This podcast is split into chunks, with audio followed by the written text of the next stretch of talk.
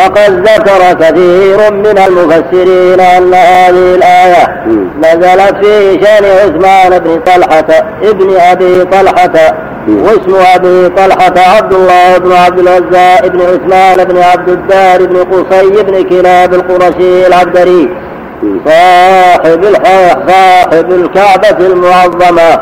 حاجب حاجب الكعبة المعظمة. وهو ابن عم شيبة بن عثمان بن أبي, بن أبي طلحة الذي صارت الحجابة في نسله إلى اليوم.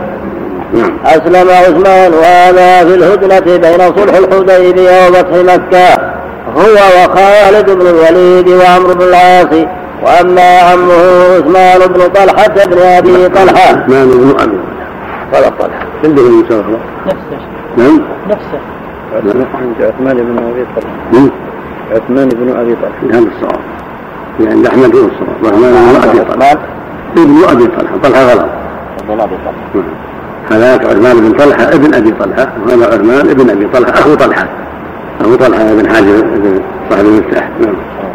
نعم.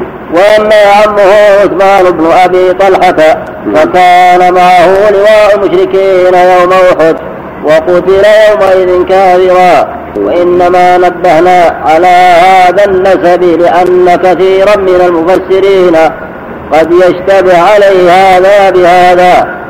وسبب نزولها فيه لما أخذ منه رسول الله صلى الله عليه وسلم مفتاح الكعبة يوم الفتح ثم رده عليه. وقال محمد بن إسحاق في غزوة الفتح حدثني محمد بن جعفر حدثني محمد بن جعفر بن الزبير عن عبيد الله بن عبد الله بن أبي ثور عن صفية بنت شيبة أن رسول الله صلى الله عليه وسلم لما نزل بمكة واطمأن الناس خرج حتى جاء إلى البيت وطاف به سبعا على راحلته.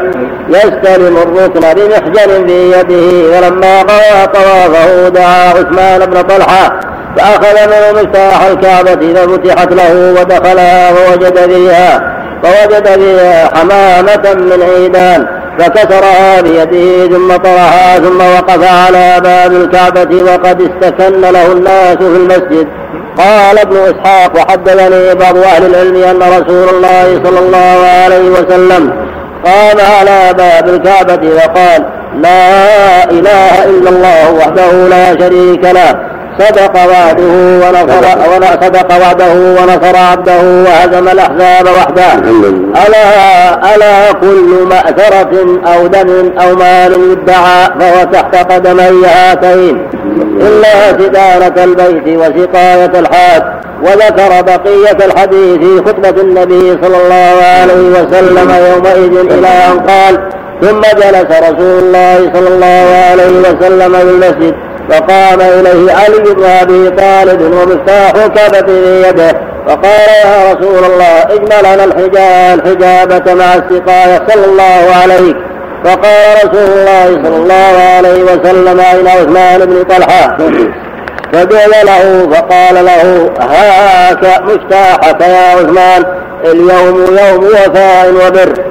قال ابن جابر قال ابن جرير حدثني القاسم وحدثنا الحسين عن حجاج عن ابن جريج في الآية قال نزلت في عثمان بن طلحة قبض ما قبض منه رسول الله صلى الله عليه وسلم مفتاح الكعبة فدخل في البيت يوم الفتح فخرج وهو يتلو هذه الآية إن الله يأمركم أن تؤدوا الأمانات إلى أهلها الآية. فدعا عثمان إليه فدفع إليه المفتاح. قال وقال عمر بن الخطاب لما خرج رسول الله صلى الله عليه وسلم من الكعبة وهو يتلو هذه الآية إن الله يأمركم أن تؤدوا الأمانات إلى أهلها. فدعا فدعا أبي وأمي ما سمعته يتلوها قبل ذلك. حدثنا القاسم وحدثنا الحسين حدثنا الزنجي بن خالد.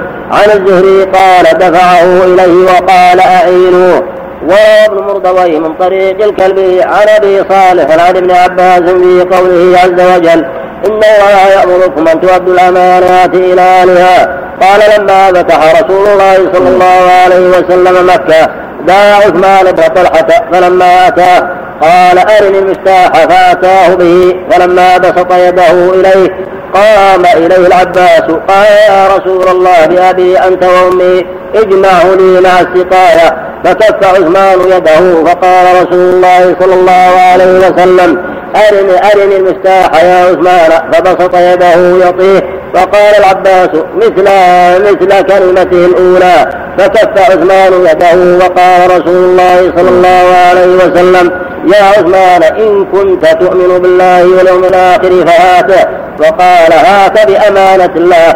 قال فقام رسول الله صلى الله عليه وسلم وفتح باب الكعبة. وفتح باب الكعبة ووجد في الكعبة تمثال إبراهيم عليه الصلاة والسلام معه قداح يستقسم بها. وقال رسول الله صلى الله عليه وسلم ما للمشركين قاتلهم الله وما شأن إبراهيم وشأن القداح ثم دعا بجفنة فيها ماء فأخذ ماء فغمسه فيه ثم غمس به. نعم. ثم دعا بماء ودعا بثوب معنه بثوب. لا بجفنة فيها ماء.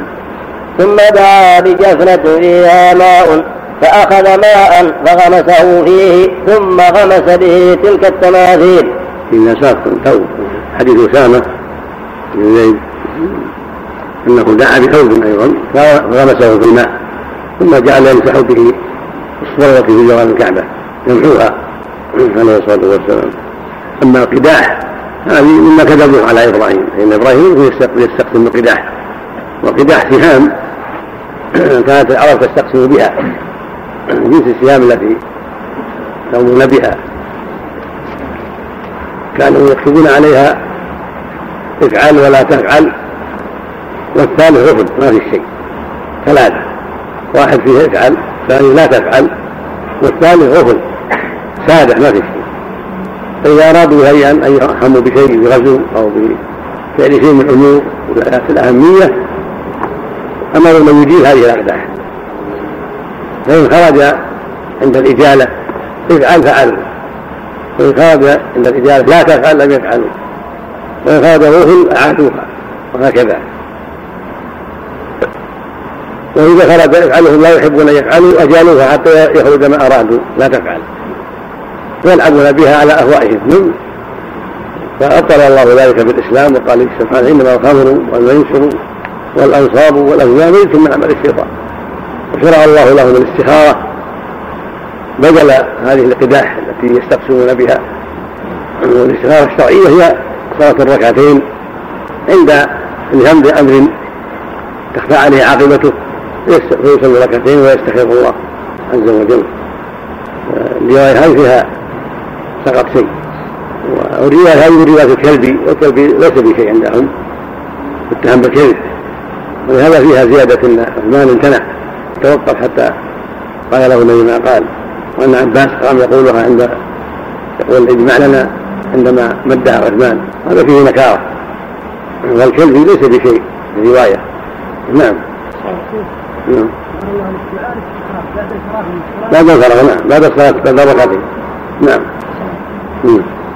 وأخرج مقام إبراهيم وكان في الكعبة فألزم فألزقه في حائط الكعبة. غمس حتى جفنا فغمس حتى أخرج إشارة رقم واحد وراجع راجع ابن إسحاق في السيرة لأن هذا نقل عن السيرة. كان عندها ابن إسحاق. نعم. يراجع تراجع السيرة. في نعم. ولا ابن كثير في التاريخ ولعله نقلها أيضا. في غزوة الفتح. ابن كثير وابن هشام جميعا نعم وأخرج مقام إبراهيم كان في الكعبة فألزقه في حائط الكعبة ثم قال يا أيها الناس هذه القبلة قال ثم خرج رسول الله صلى الله عليه وسلم فطاف بالبيت شوطا أو شوطين ثم نزل عليه جبريل فيما ذكر لنا برد المفتاح ثم قال رسول الله صلى الله عليه وسلم إن الله يأمركم أن تؤدوا الأمانات إلى أهلها حتى ورع منها من الآية وهذا من المشهورات أن هذه الآية نزلت في ذلك وسواء كانت نزلت في ذلك أو لا فحكمها عام. ولهذا قال ابن عباس ومحمد بن الحنفية هي للبر والفاجر أي هي أمر لكل أحد وقوله وإذا حكمتم بين الناس أن تحكموا بالعدل أمر منه تعالى بالحكم بالعدل بين الناس. ولهذا قال محمد بن كعب وزيد بن أسلم وشهر بن حوشب إن هذه الآية إنما نزلت في الأمراء يعني الحكام بين الناس. وفي الحديث إن الله مع الحاكم ما لم يجر إذا جار وكله إلى نفسه. نعم. وفي الأثر عدل يوم كعبادة أربعين سنة. وقوله إن الله مما يعظكم به. أن يأمركم به من أداء الأمانات والحكم بالعدل بين الناس وغير ذلك من أوامره وشرائعه وشرائع الكاملة العظيمة الشاملة. وقوله تعالى إن الله كان سميعا بصيرا أي سميعا لأقوالكم بصيرا بأفعالكم. كما قال ابن أبي حاتم حدثنا أبو زرعة حدثنا يحيى بن عبد الله بن بكير حدثنا عبد الله بن لهيعة عن يزيد بن أبي حبيب عن يزيد بن أبي حبيب العرب الخير عن عقبة بن عامر.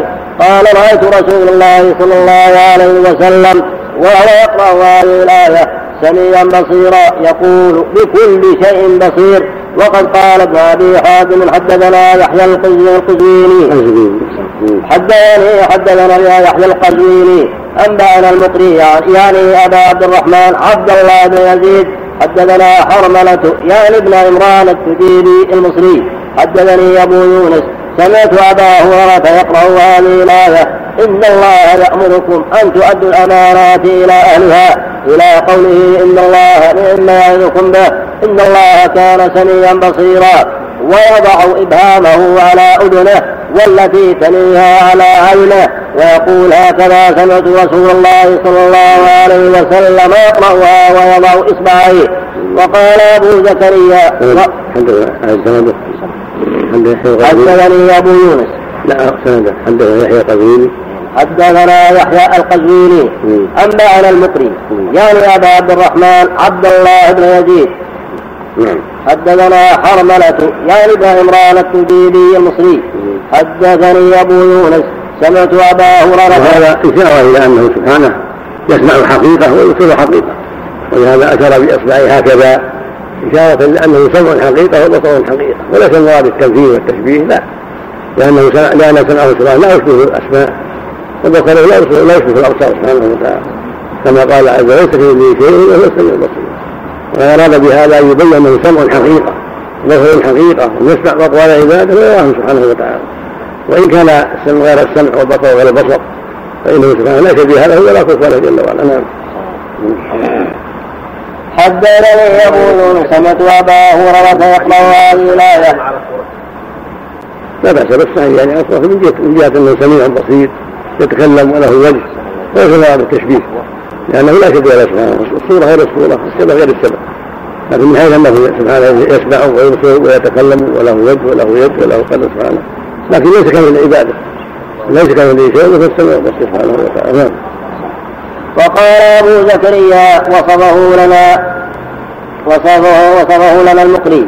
ووضع أبو زكريا إبهامه اليمنى على عينه اليمنى والتي تليها على على الأذن اليمنى. وأران فقال هكذا وهكذا. رواه أبو داود وابن حبان في صحيحه والحاكم في مستدركه. وابن مردوي تفسيره من حديث أبي عبد الرحمن المقري بإسناده نحوه وأبو يونس هذا مولى أبي هريرة واسمه سليم بن جبير يا أيها الذين آمنوا أطيعوا الله وأطيعوا الرسول وأولي الأمر منكم فإن تنازعتم في شيء فردوه إلى الله والرسول إن كنتم تؤمنون بالله واليوم الآخر ذلك خير وأحسن تأويلا. في يحيى قلبي تقريب كامل؟ يحيى قلبي ما وجدته ما وجدته وجدته لا بأس. سنده لا بأس. به لكن يحيى قلبي من أبي حاتم. من أبي حاتم. جمع. الله إليك الحديث الأول. أدي الأمانة. لمن من ائتمنك ولا تخن خانك صحيح؟ ما أعلم شيء. ما أعلم له علة في سنده عندهم. مسألة سنده حسن عن سمرة في علة علة الحسن يعني. لأن الحسن اختلف في سماع عن سمرة والمشهور عند أهل العلم أنه لم يسمع إلا حديث الحقيقة والباقي فيه اشتغال هل سمع أو ما سمع على أقوال العلماء ثلاثة أحدها أنه سمع مطلقا والثاني يسمع مطلقا والثالث سمع حديث حقيقة فقط دون غيره. الشيخ يكون أثر؟ حديث إذا عدل الحاكم عدل الحاكم الأثر ما ما بين لا أطلق شيخ في تعليق على حديث سمرة. سمرة. نعم يقول في تعليق. إيه.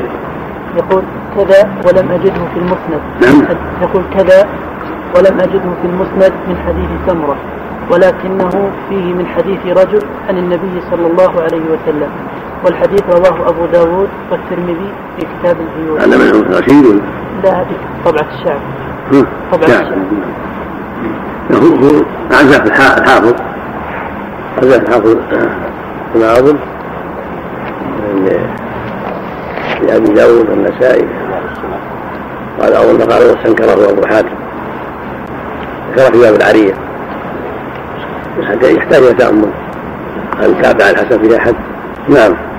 بسم الله الرحمن الرحيم. الحمد لله رب العالمين. والصلاة والسلام على أشرف الأنبياء والمرسلين نبينا محمد وعلى آله وأصحابه أجمعين قال الإمام ابن القيم رحمه الله تعالى عدل رواية عدل إيش عندك؟ وقيل هذا قيل عدل حاكم عدل عدل يوم كأربع كايش كم؟ عدل أربعين سنة إمارة العلم عبادة أربعين سنة عندك الآن؟ هذا يا شيخ عدل يوم كعبادة أربعين سنة. شوفوا في الأثر. دورها الأثر دوره في كشف الخفاء وفي في الجامع الصغير. دورنا من عنه نعم. نعم. السلام.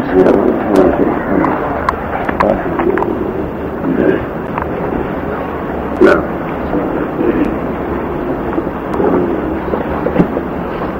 بسم الله الرحمن الرحيم الحمد لله رب العالمين والصلاة والسلام على أشرف المرسلين نبينا محمد وعلى آله وصحبه أجمعين قال الإمام ابن كثير رحمه الله تعالى في تفسير قوله تعالى يا أيها الذين آمنوا أطيعوا الله وأطيعوا الرسول وأولي الأمر منكم إن تنازعتم في شيء فردوه إلى الله والرسول إن كنتم تؤمنون بالله واليوم الآخر ذلك خير وأحسن تأويلا قال البخاري حدثنا صدقة بن الفضل حدثنا حجاج بن محمد الأعور عن ابن بن جريج عن يعلى بن مسلم عن سعيد بن جبير عن ابن عباس أطيعوا الله وأطيعوا الرسول وأطيعوا الرسول وأولي الأمر منكم.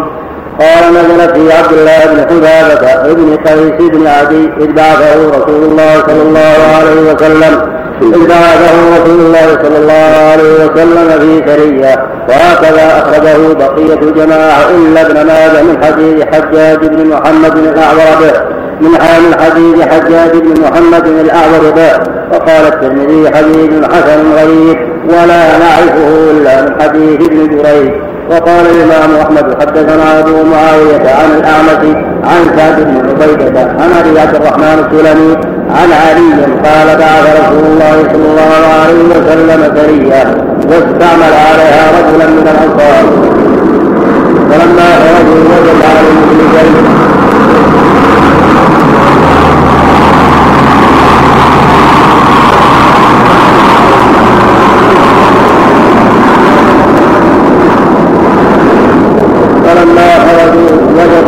ثم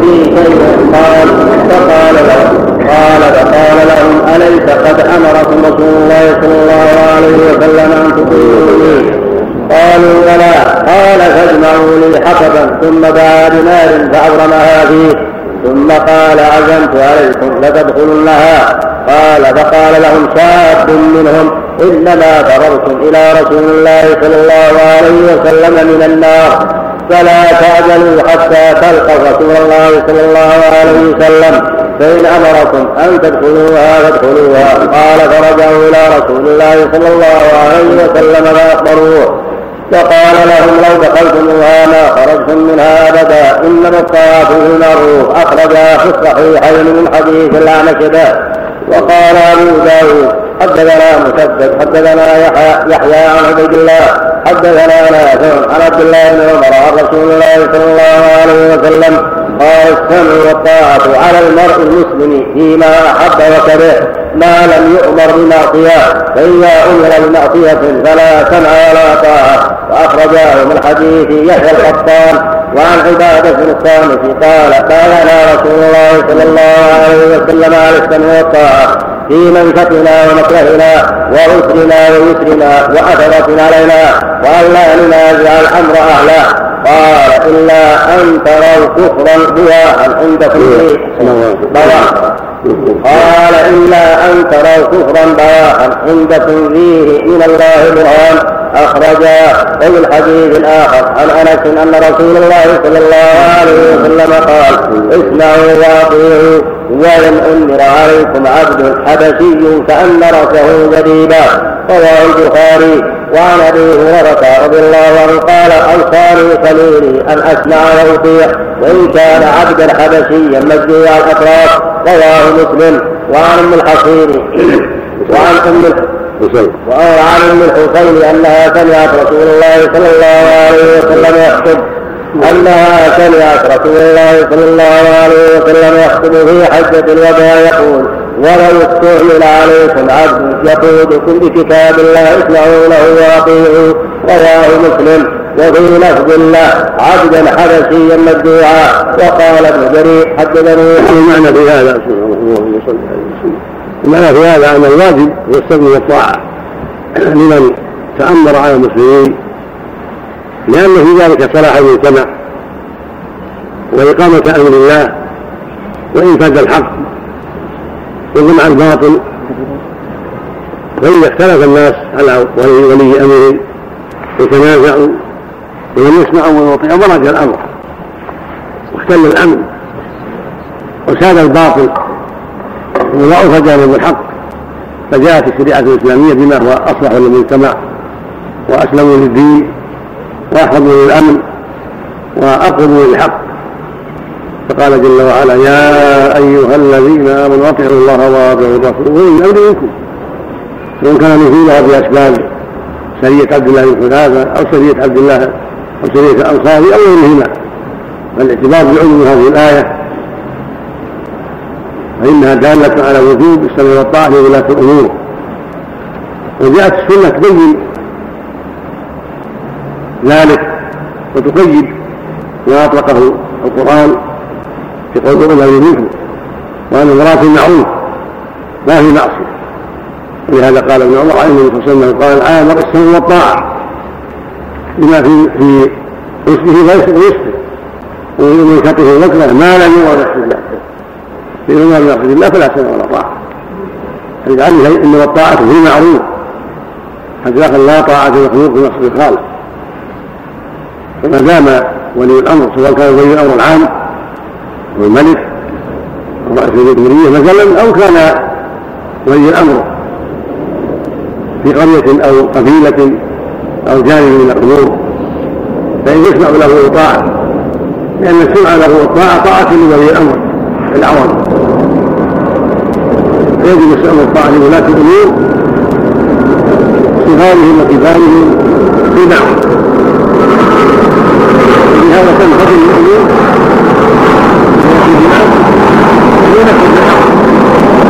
ويرجع الباطل حتى قال المبالغة وإن تأمر عليكم عبد حبشي ويجدع الأطراف وكان رأسه كثيبا ثم الله قد يقودكم بكتاب الله يعني يحكم يحكم يحكم يحكم بكم بشرع الله ولا يجوز القيود عليه. وإذا أمر المعصية سمع في معصية. ولكن يسمع له في المعروف لا في معصية. إذا أمر بشرب الخمر بالزنا بقتل من لا يستحق القتل فلا. إنما الطاعة في المعروف وما وافق الشرع فكان مباحا نعم.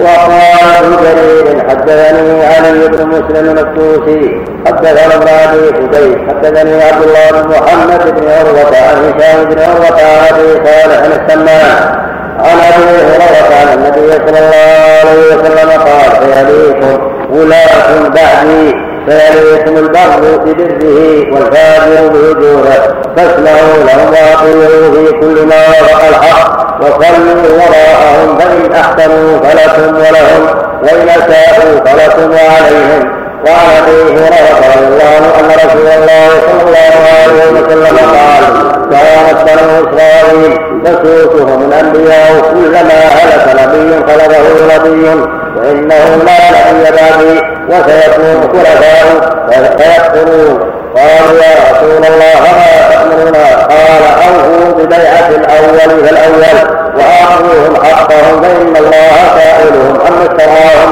أخرجا. وعن ابن عباس رضي الله عنهما قال قال رسول الله صلى الله عليه وسلم من راى من أميره شيئا فكرهه فليصبر. فإنه ليس أحد يفارق جماعة شبرا فيموت إلا مات ميته جاهلية أخرجا. وعن ابن عمر أنه سمع رسول الله صلى الله عليه وسلم يقول من خلع يدا من طاعه لقي الله يوم القيامة لا حجة له ومن مات وليس في عنقه بيعة مات ميتة جاهلية رواه مسلم. وروى مسلم أيضا عن عبد الرحمن بن عبد رب الكعبة قال دخلت المسجد فاذا عبد الله بن عمرو بن العاص جالس في ظل الكعبة والناس حوله مجتمعون عليه فأتيتهم فجلست إليه فقال كنا مع رسول الله صلى الله عليه وسلم في سفر فنزلنا منزلا فمنا من يصبح قباءه ومنا من ينتظر ومنا من هو في جسده. إذ نادى منادي رسول الله صلى الله عليه وسلم الصلاة جامعة فاجتمعا إلى رسول الله صلى الله عليه وسلم وقال إنه لم يكن نبي من قبلي إلا كان حقا عليه أن يدل أمته على خير ما يعلمه لهم وينذرهم شر ما يعلمه لهم. وإن هذه وإن هذه الأمة. جعلت عاقبتها في أولها. جعلت عافيتها في أولها. وسيصيب آخرها بلاء وأمور تنكرونها وتجيء فتن يرقق بعضها بعضا. وتجيء الفتنة ويقول المؤمن. هذه مهلكتي ثم تنكشف وتجيء الفتنة ويقول المؤمن هذه هذا فمن أحب أن يزحزح عن النار ويدخل الجنة فلتأته منيته وهو يؤمن بالله واليوم الآخر. وليأتي إلى الناس الذي يحب أن يؤتى إليه. ومن بايع إماما فأعطاه صفقة يده وثمرة فؤاده فليطاع. إن استطاع فإن جاء آخر يناديه فاضربوا عنق الآخر. قال فدنوت منه فقلت وانشدك بالله أنت سمعت هذا من رسول الله صلى الله عليه وسلم. فأهوى إلى أذنيه وقلبه بيديه وقال سمعته أذنيه ومن بايع ومن بايع فمن أحب أن يزهزه عن النار ويدخل الجنة فلتأته منيته وهو يؤمن بالله واليوم الآخر وليأتي إلى الناس الذي يحب أن يؤتى إليه. هذه محنه عظيمه من أحب أن يزحزح عن النار فالجنه عند وجود الفتن وجود الأحوال. هذا يبين نصح الرسل عليه الصلاة والسلام. وأن الرسل بلغوا كل ما أمروا وجلبوا أمتهم على كل خير وحذروهم من كل شر. ولهذا قال ما بعث الله من نبي إلا كان حقا عليه إن يدل أمته على خير ما يعلمه لهم وينذرهم شر ما يعلمون ونبينا اكمل الأنبياء عليه الصلاة والسلام. واكملهم بلاغا فقد بلغ. ودل الامه على كل خير ونهاها عن كل شر. وبين ان هذه الامه جاءت عافيتها في اولها وسيصيب اخرها بلاء وأمور كثيرونها هذا يفيد أن أول أمة أعطاهم الله خيرا عظيما. وذكرت هذه الأمة الصحابة رضي الله عنهم وأرضاهم. ويصيب وسيصيب اخرها فتنه وامور بلاء وأمور كثيرونها وقد وقع هذا ويقع تجيء فتن تجيء فتن يوقف بعضها بعضا. كل فتنة توقف التي قبلها. وتبين انها دونها وتجيء فتنه فيقول ان هذه هي ثم تنكشف. ثم تجيء فتنه أخرى فيقول هذه هذه يعني هذه أعظم من الأولى. ثم قال فمن أحب أن يزحزح عن النار ويدخل الجنة فلتاته منيته يؤمن بالله واليوم الآخر. من يحب أن يأتي الناس من يحب أن يؤتى إليه. من أحب النجاة والسعادة. فليثبت على الإيمان. والاحسان إلى الناس بالنصح لهم هذا فهو السعاده فلتاته منيته ويؤمن بالله واليوم الآخر. يقول موحد لله مطيع لله. يؤمن به سبحانه. يؤمن باليوم الآخر.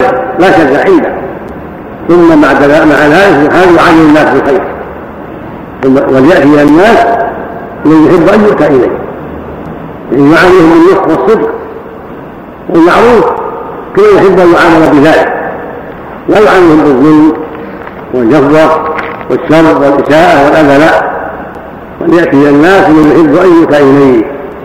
إن كما يحب أن يعامل فلياتي الناس كذلك. ويعاملهم بما يحب أن يعامل به من نصح وصدق وإحسان وكف أذى. نعم. ومن بايع إماما فأعطاه صفقة يده وثمرة فؤاده فليطعه إن استطاع فإن خاف من جاه آخر ينازعه فاضرب عنق الآخر قال فدنوت منه وقلت أنشدك بالله. أنت سمعت هذا من رسول الله صلى الله عليه وسلم. فأهوى إلى أذنيه وقلبه بيديه وقال سمعت أذناي وضعه قلبي. وقلت له هذا ابن عمك. هذا ابن عمك معاوية يأمرنا أن نأكل أموالنا بيننا بالباطل ويقتل بعضنا والله تعالى يقول يا أيها الذين آمنوا لا تأكلوا أموالكم بينكم بالباطل إلا أن تكون تجارة عن تراض منكم. ولا تقتلوا أنفسكم. إن الله كان بكم رحيما. قال فسكت ساعة ثم قال أطيعه في طاعة الله وأطه في معصية الله.